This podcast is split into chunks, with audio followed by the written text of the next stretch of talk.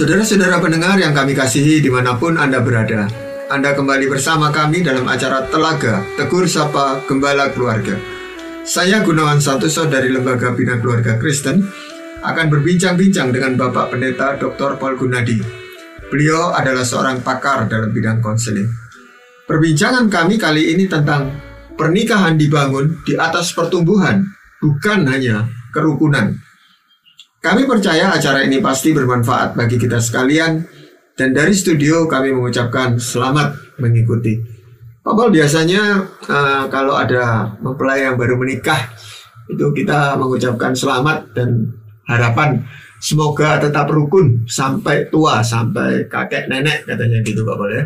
Dan rukun tentu menjadi harapan kita semua. Kita tentu tidak mengendaki ada pasangan yang apa bentrokan dan sebagainya tapi kita juga sering melihat ada pasangan itu yang kelihatannya rukun. Ke gereja bersama, rekreasi dengan anak-anaknya bersama juga. Tetapi kemudian kita dikagetkan oleh berita bahwa mereka bercerai. Nah ini apa sebabnya Begini Pak Gunawan, pertanda bahwa pernikahan sehat bukanlah kerukunan. Ya kita ini bisa hidup rukun tanpa kasih alias tanpa relasi.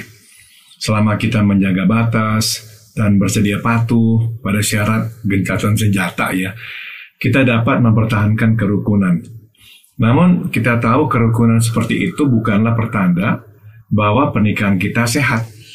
Pertanda bahwa pernikahan sehat ialah adanya pertumbuhan. Pernikahan sehat jika anggotanya terus bertumbuh. Nah, jadi kenapa kok ada orang yang tadi Pak Gunawan katakan, ya kelihatannya kok rukun, kok tiba-tiba kok bercerai dan sebagainya. Nah, memang itu ya pertanda bahwa memang kerukunan itu nggak menjamin adanya pernikahan yang sehat. Nah, kita akan melihat bahwa yang kita mau tekankan pertumbuhan. Sebab pertumbuhan itulah yang memperlihatkan berapa sehatnya pernikahan kita. Tanda-tanda pertumbuhan itu seperti apa sih Pak kalau di dalam pernikahan? Ada beberapa. Yang pertama adalah orang yang bertumbuh itu tuh orang yang menghadapi masalah Pak Gunawan. Kita boleh menunda atau mendinginkan hati sewaktu menghadapi masalah. Kita pun boleh melindungi diri dari bahaya yang timbul dari masalah yang dihadapi. Namun kita tidak boleh menghindar atau melarikan diri dari masalah. Pertumbuhan baru terjadi pada saat kita menghadapi masalah. Bukan saja kita menjadi lebih kuat dan tabah, kita pun dipaksa untuk menjadi lebih kreatif dan bijak sewaktu menghadapi masalah. Hubungan dengan Tuhan pun diperkuat sebab kita akan lebih bergantung padanya. Nah, saya sadar tidak mudah memaksa diri apalagi memaksa pasangan untuk menghadapi masalah. Kadang kita tergoda untuk mendiamkan masalah, tidak menghadapinya, dan berharap masalah bisa selesai dengan berjalannya waktu. Ada kalanya kita letih dan tidak tahu mesti berbuat apa. Akhirnya kita berdiam diri. Nah, tidak apa berdiam diri dan tidak apa beristirahat suatu letih dan kehabisan akal. Tidak apa untuk datang kepada Tuhan dan menantikan tuntunan yang lebih jelas daripadanya. Namun setelah itu, jika kita sudah tahu apa yang mesti dilakukan, kita harus bertindak, kita mesti menghadapi masalah. Jadi sekali lagi saya ulang, ciri pertama atau hal pertama yang mesti kita perbuat supaya kita bisa terus bertumbuh dalam pernikahan adalah kita mesti menghadapi masalah. Iya, kita berani menghadapi masalah itu, Pak Paul. Tetapi memecahkan masalah itu belum tentu bisa kita lakukan, itu, Pak. Nah ini poin yang bagus, Pak Gunawan.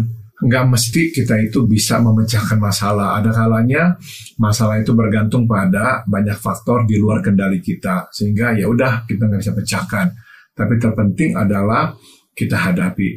Ada masalah yang memang menuntut waktu untuk bisa selesai. Nggak bisa dipaksakan hari ini juga selesai.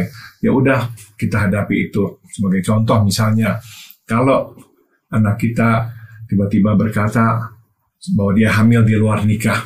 Nah, kita bertekad ya, dia harus menghadapinya, kita juga mau menghadapinya dengan mendampingi dia.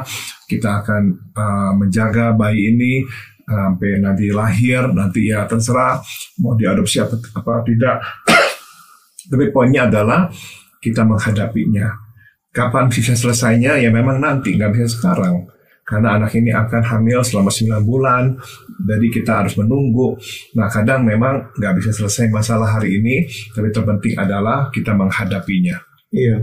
Ada uh, ini dalam hubungan orang tua dan anak memang.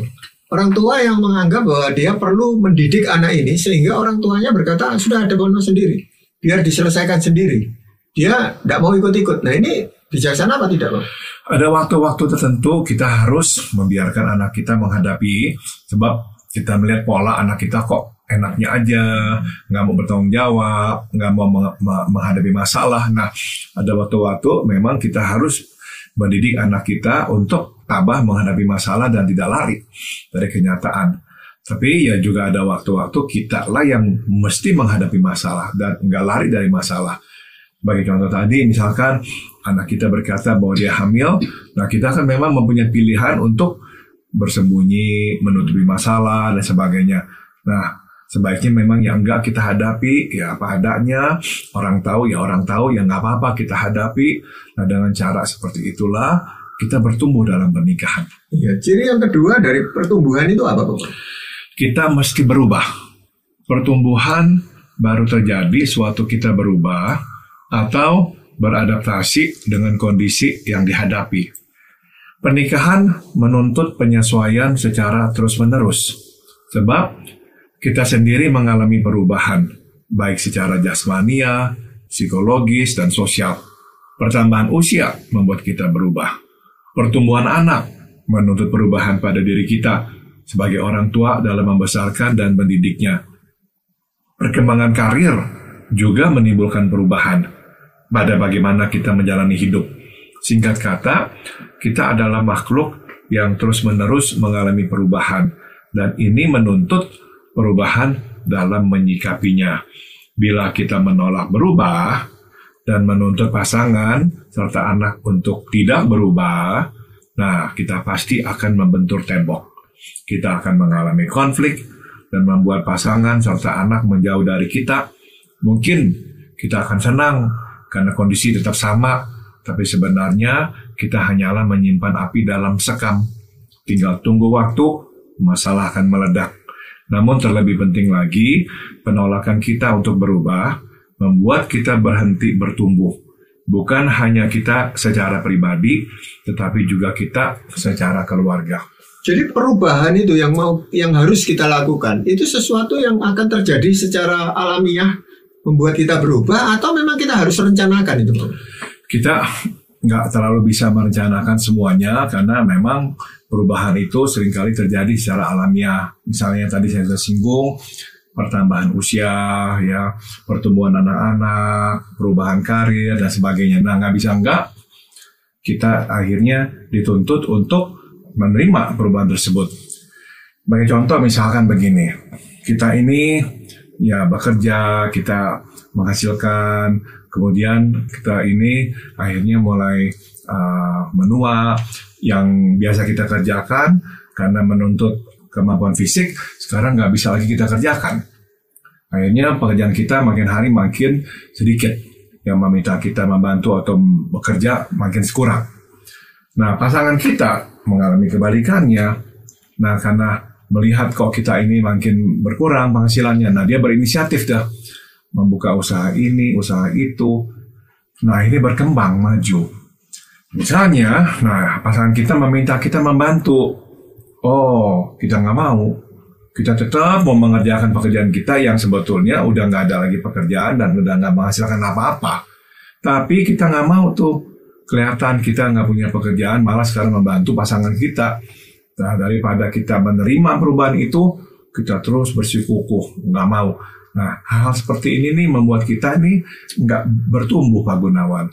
Kita justru bertumbuh sewaktu kita bersedia beradaptasi. Ya udah, memang kita udah mencapai usia segini, pekerjaan kita memang menuntut kekuatan fisik dan sekarang kita nggak ada lagi kekuatan fisik itu. Ya udah, kita sekarang bantulah pasangan kita ya mengembangkan usahanya sebisa-bisanya ya kita turut dalam uh, usaha ini dan nggak apa-apa orang berkata oh sekarang kau bantu misalnya istrimu ya nggak apa-apa nah Kalau kita menolak, justru kita nggak bertumbuh dan nanti uh, menimbulkan masalah dalam keluarga. Ya, jadi perubahan itu harus dimulai dari kita. Kita tidak bisa menuntut orang lain yang berubah menyesuaikan dengan kita. Padahal sebenarnya kita lah yang harus berubah dulu gitu Bapak. Tepat Pak Gunawan. Jadi memang kita ini nih maunya sih kecenderungan kita menuntut orang yang berubah supaya kita nggak usah berubah deh ya. Tapi nggak bisa ya kita harus memulai dengan diri kita. Iya. Bapak eh, ada yang ketiga Bapak. Yang ketiga adalah kita mesti setia. Pertumbuhan dimungkinkan tatkala kita setia di dalam relasi. Bila kita mencari kesenangan dan ketenangan di luar pernikahan, kita tidak akan bertumbuh. Memang tidak mudah untuk setia. Sewaktu pernikahan bergolak, akan ada godaan besar untuk mencari pemuasan di luar pernikahan. Sungguh pun demikian, kita harus menolaknya. Kita tidak boleh mengambil jalan pintas. Lebih baik kita susah karena bergumul daripada kita menjalin relasi di luar nikah. Nah, kita harus terus menjunjung tinggi janji nikah yang telah kita ikrarkan. Jadi kalau kita nggak setia, ambil jalan pintas, membangun relasi yang baru dengan orang lain di luar nikah, ya udahlah kita nggak akan bertumbuh. Nah pernikahan yang sehat adalah pernikahan yang bertumbuh dan salah satu cirinya ini setia. Apa pun yang terjadi, enggak kita tetap setia sama pasangan kita pada pernikahan kita. Nah dalam kesetiaan itu tuh tekad kita setia itulah baru kita bisa bertumbuh. Tapi memang ke, ke- tekad untuk setia ini harus dibarengi dengan fakta bahwa memang kita belajar memulai setia itu dari hal-hal yang kecil-kecil itu dulu. Bapak. Kalau yang kecil-kecil aja kita tidak bisa setia, itu akan sulit sekali eh, memegang kesetiaan pada saat yang besar ini digoncangkan. Seperti yang tadi Pak Wal katakan, hubungan pernikahan ini bisa rusak karena kita tidak setia pada pasangan kita. Betul. Nah, tentu memang dimulainya dari hal-hal kecil. Ya, apa yang kita janjikan, kita tepati. Apa yang kita memang eh, sudah eh, komitmen untuk lakukan, ya kita akan lakukan. Meskipun hal-hal itu hal-hal yang kelihatannya nggak berarti. Nah, dari hal-hal kecil seperti itulah kita membangun kesetiaan. Nah, akhirnya waktu kita mengalami goncangan dalam pernikahan, godaan untuk udah dah kita teri- kita terima uluran tangan orang lain atau membina relasi dengan orang lain di luar pernikahan. Nah, godaan itu akan ada. Nah, tapi kalau kita memang udah terbiasa setia dalam hal-hal yang kecil, kita lebih akhirnya terdorong untuk setia dalam hal yang penting dan besar ini. Ya sering kali memang eh, masalah di dalam keluarga itu bisa menimbulkan kesetiaan, tetapi juga kadang-kadang melunturkan kesetiaan kita di dalam apa komitmen terhadap keluarga itu. Betul, karena sekali lagi waktu kita mengalami masalah dalam rumah tangga, kita itu tuh rentan ya untuk untuk mencari penyelesaian. Nah, penyelesaian yang yang gampang itu akan sangat menarik Pak Gunawan. Sehingga waktu ada orang lain di luar yang koknya kok mau dengerin kita ngomong, mau tolongin kita lah, apalah, mau antar kita lah, aduh akhirnya susah untuk kita melawannya. Nah, tapi saya mau tekankan kalau kita mau melihat pernikahan kita bertumbuh, kita masih setia. Iya. Yang lain apa Pak Paul? Yang keempat adalah untuk bisa bertumbuh kita mesti berani mengoreksi pasangan. Bila kita takut ya kehilangan pasangan atau terlalu memberhalakannya, besar kemungkinan kita tidak akan berani menegurnya sewaktu ia melakukan kesalahan. Relasi yang miskin koreksi akan menjadi relasi yang stagnan, tidak ada pertumbuhan. Sebab pertumbuhan baru dapat terjadi bila kita saling mengoreksi. Sudah tentu kita mesti terbuka dan siap untuk dikoreksi. Jika kita bersikap defensif dan malah menyerang balik tatkala dikoreksi, akhirnya pasangan akan enggan untuk mengoreksi. Daripada bertengkar, akhirnya ia memilih diam. Bila itu terjadi, sebetulnya orang yang paling dirugikan adalah diri kita sendiri. Kita tidak akan mengalami pertumbuhan. Nah, jadi sekali lagi saya tekankan untuk bertumbuh dalam pernikahan kita mesti berani saling mengoreksi. Ya, jadi mengoreksi dan dikoreksi gitu Pak Boleh. Betul. Sebenarnya eh, kita mau aja dikoreksi gitu Pak Boleh. Tetapi caranya mengoreksi itu yang sangat penting gitu. Kita bisa menerima koreksi itu apa enggak itu dari caranya dia menyampaikan. Betul, memang kita mesti belajar ya cara menyampaikan koreksi ya. Jangan sampai kayaknya kita itu tuh menghina, yang merendahkan, memerintah. Nah, kalau bisa ya kita ngomongnya juga dengan halus, dengan nada yang lembut, bukan dengan nada marah-marah. Nah, cara-cara itu seperti itu yang memang kita perlu pelajari. Tapi memang juga saya mesti akui Pak Gunawan ada orang yang sulit menerima koreksi. Mungkin karena dia terbiasa ah, dianggap benar terus oleh orang, atau memang dia dibesarkan dalam keluarga di mana sering disalahkan sehingga dia mudah sekali defensif, nggak mau menerima teguran orang atau koreksi orang. Nah sudah tentu ya nggak gampang ya mengubah ini nih. Tapi ya saya mau mengingatkan kalau kita mau bertumbuh dalam pernikahan kita mesti bersedia untuk menerima koreksi dan mesti berani juga mengoreksi. Ya saya sudah lihat pasangan nikah yang nggak melakukan ini Pak Gunawan. Nggak ada saling koreksinya.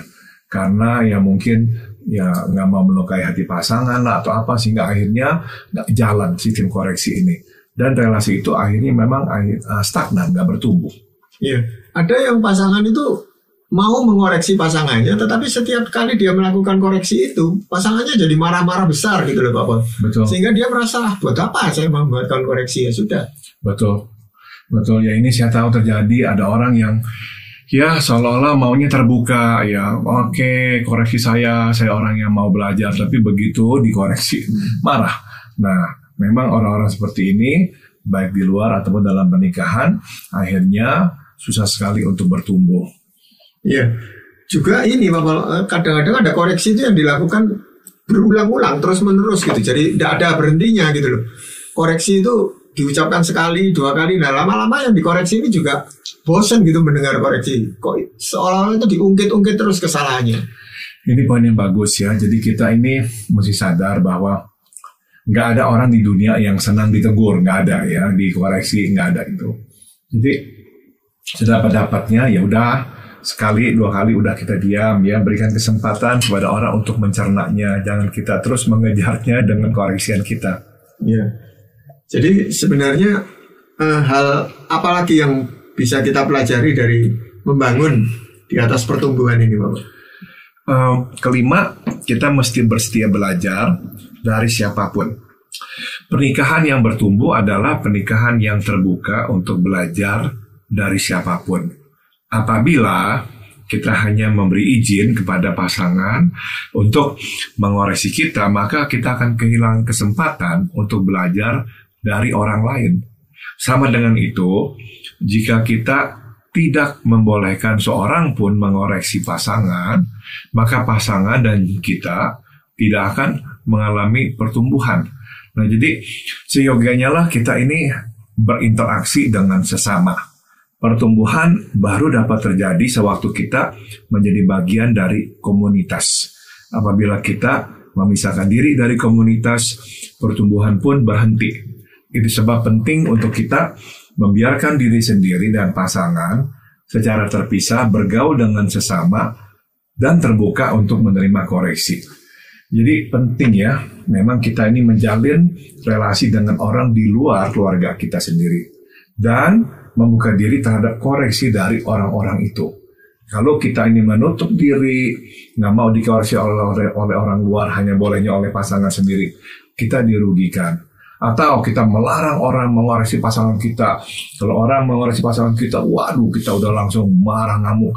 Nah akhirnya nggak ada yang berani koreksi pasangan kita, kita merugikan pasangan kita. Jadi perlu ya kita ini hidup dalam komunitas, kita mempertanggungjawabkan hidup kita bukan saja kepada pasangan, tapi juga kepada orang-orang di luar pernikahan kita. Ya memang kalau kita nggak akrab itu untuk dikoreksi maupun mengoreksi ini agak sulit gitu Pak Bob. Karena itu persekutuan-persekutuan suami istri seperti uh, kelompok bina keluarga dan sebagainya itu penting sekali gitu. Di mana kita bisa saling belajar di situ. Betul, betul. Nah orang yang memang enggak menundukkan diri pada orang di luar keluarganya akan susah ya untuk belajar dari orang-orang di luar. Betapa besarnya kerugian itu Pak Gunawan. Sebab kita tahu berapa banyak hal yang bisa kita pelajari dari orang lain. Dan betapa beruntungnya kita kalau orang juga kok mau ya menyampaikan teguran kepada kita dan kita peka. Nah kita justru kan diuntungkan, kita belajar banyak dari orang-orang di luar. Nah betapa besar kerugian kalau kita tutup pintu dan membangun benteng sehingga kita nggak mendengar lagi uh, uh, masukan dari orang lain. Biasanya yang kita pela perlu pelajari dari orang lain itu apa, Pak? Seringkali kita ini nih perlu mendengar ya dari orang tentang sifat-sifat kita ya, karakter-karakter kita yang kurang baik. Kebanyakan begini Pak Gunawan, kita ini kalau udah terbiasa ya hidup dengan pasangan kita misalnya dah. Kita melihat kekurangan dia, karakternya kurang baik apa ya, karena kita udah terbiasa ini adalah pasangan kita, kita terima dia apa adanya, akhirnya ya udah kita diam aja dah nggak apa-apa gitu meskipun sebetulnya itu karakter yang kurang baik gitu nah orang di luar kan nggak akan setoleran kita. Nggak mungkin sesabar kita ya. Nah jadinya tuh waktu mereka mengalami sesuatu akibat perbuatan kita di luar itu nah mereka itu biasanya tuh akan bereaksi keras dan memberitahukan kita kamu jangan begini, kamu kok begini, kamu kok mementingkan diri, kamu kok nggak mempertimbangkan orang lain dan sebagainya. Nah itu masukan-masukan yang sebetulnya sangat berharga, yang sebetulnya juga kita memang lakukan dalam rumah tangga kita, tapi karena pasangan kita terbiasa, akhirnya nggak berani lagi tegur atau ya udahlah mendiamkan kita. Tapi kan pandangan-pandangan orang luar itu tadi, Pak Boleh, itu kan harus kita saring lagi gitu. Cocok enggak buat keluarga kita? yang itu mungkin cocok buat keluarganya, tapi buat keluarga kita kan belum tentu cocok. Betul, betul. jadi nggak semua masukan dari luar kita akan terima ya begitu saja. Sudah tentu ya kita harus saring, kita harus lihat benar apa tidak, tepat apa tidak tepat. Tapi sekali lagi keterbukaan kita itu akan membuat kita belajar banyak tentang diri kita dan itu membuat kita bertumbuh. Iya, hal yang lain apa, Pak? Yang keenam adalah untuk kita terus bertumbuh, kita mesti terus mencari dan menaati kehendak Tuhan. Pernikahan yang bertumbuh adalah pernikahan yang menempatkan Tuhan di takhta kehidupan, di mana kehendak Tuhan diutamakan di atas kehendak pribadi. Pernikahan yang tidak bertumbuh adalah pernikahan yang syarat dengan kehendak pribadi. Sebaliknya, sewaktu masing-masing mengesampingkan kehendak pribadi, maka pertumbuhan akan terjadi jadi sekali lagi saya tekankan betapa pentingnya ya menundukkan kehendak pribadi dan meninggikan kehendak Tuhan. Orang yang bisa ya menekan kehendak pribadi dan mengutamakan kehendak Tuhan adalah orang yang akan terus bertumbuh. Jadi di situ dibutuhkan uh, pasangan yang memang seiman gitu Pak Boleh. Kalau tidak memang agak sulit itu Pak Boleh. Betul, seiman dan juga memang sehati ya dalam memegang dan mengutamakan kehendak Tuhan. Iya. Apa masih ada yang lain, Pak? Yang ketujuh dan terakhir, kita mesti menjadi alat Tuhan untuk menggenapi misinya di dunia. Pernikahan akan bertumbuh bila kita terlibat dalam pekerjaan Tuhan yang jauh melampaui pernikahan atau keluarga sendiri. Pernikahan yang berkutat pada kepentingan dan rencana sendiri tidak akan mengalami pertumbuhan yang berarti Sebaliknya, pernikahan yang dapat keluar dari kepentingan keluarga dan memperhatikan pekerjaan Tuhan di luar akan bertumbuh. Nah, jadi kita lihat keluarga yang juga ya berbagi berkat dengan orang, terlibat dalam pekerjaan Tuhan, mengurus bukan saja yang dalam keluarga tapi yang di luar keluarga akan menjadi keluarga yang bertumbuh atau pernikahan yang bertumbuh. Tapi pernikahan yang hanya ngurus diri sendiri, anak sendiri, semua sendiri, ya sampai kapan pun nggak akan bertumbuh. Ya karena panggilan Tuhan kepada kita juga termasuk keluarga kita itu menjadi saluran berkat Tuhan bagi orang lain gitu Pak Boleh. Tepat sekali. Bukan hanya menikmati berkat-berkatnya tetapi membagikan berkat itu kepada orang lain. Betul. Nah Pak Paul, uh, untuk mengakhiri perbincangan ini apakah ada ayat firman Tuhan yang ingin Pak Paul sampaikan? Mazmur 92 ayat 14 mengingatkan bahwa mereka yang ditanam di bait Tuhan akan bertunas di pelataran Allah kita. Mereka yang ditanam di bait Tuhan akan bertunas di pelataran Allah kita. Jika kita menancapkan akar pernikahan kita di atas kebenaran dan kehendak Tuhan, maka kita akan bertumbuh dan berbuah di pelataran kehidupan ini. Saya harap kita semua bisa mengerti apa yang dikatakan ya, yaitu pentingnya kita membangun pernikahan di atas kebenaran dan kehendak Tuhan. Barang siapa membangunnya di atas kebenaran dan kehendak Tuhan, melakukannya, maka kita ini akan berbuah di dalam kehidupan, bukan saja untuk keluarga kita, tapi juga untuk orang-orang lain. Ya, terima kasih Pak Malu untuk perbincangan ini. Dan para pendengar sekalian, kami mengucapkan banyak terima kasih Anda telah mengikuti perbincangan kami dengan Bapak Pendeta Dr. Paul Gunadi dalam acara Telaga, Tegur Sapa Gembala Keluarga. Kami baru saja berbincang-bincang tentang pernikahan dibangun di atas pertumbuhan, bukan hanya kerukunan. Bagi Anda yang berminat untuk mengetahui lebih lanjut mengenai acara ini, silahkan menghubungi kami lewat surat. Alamatkan surat Anda ke Lembaga Bina Keluarga Kristen atau LBKK Jalan Cimanuk 56, Malang. Kami juga mengundang Anda mengunjungi situs kami di www.telaga.org. Saran-saran, pertanyaan, serta tanggapan Anda sangat kami nantikan. Akhirnya dari studio kami mengucapkan terima kasih atas perhatian Anda dan sampai jumpa pada acara telaga yang akan datang.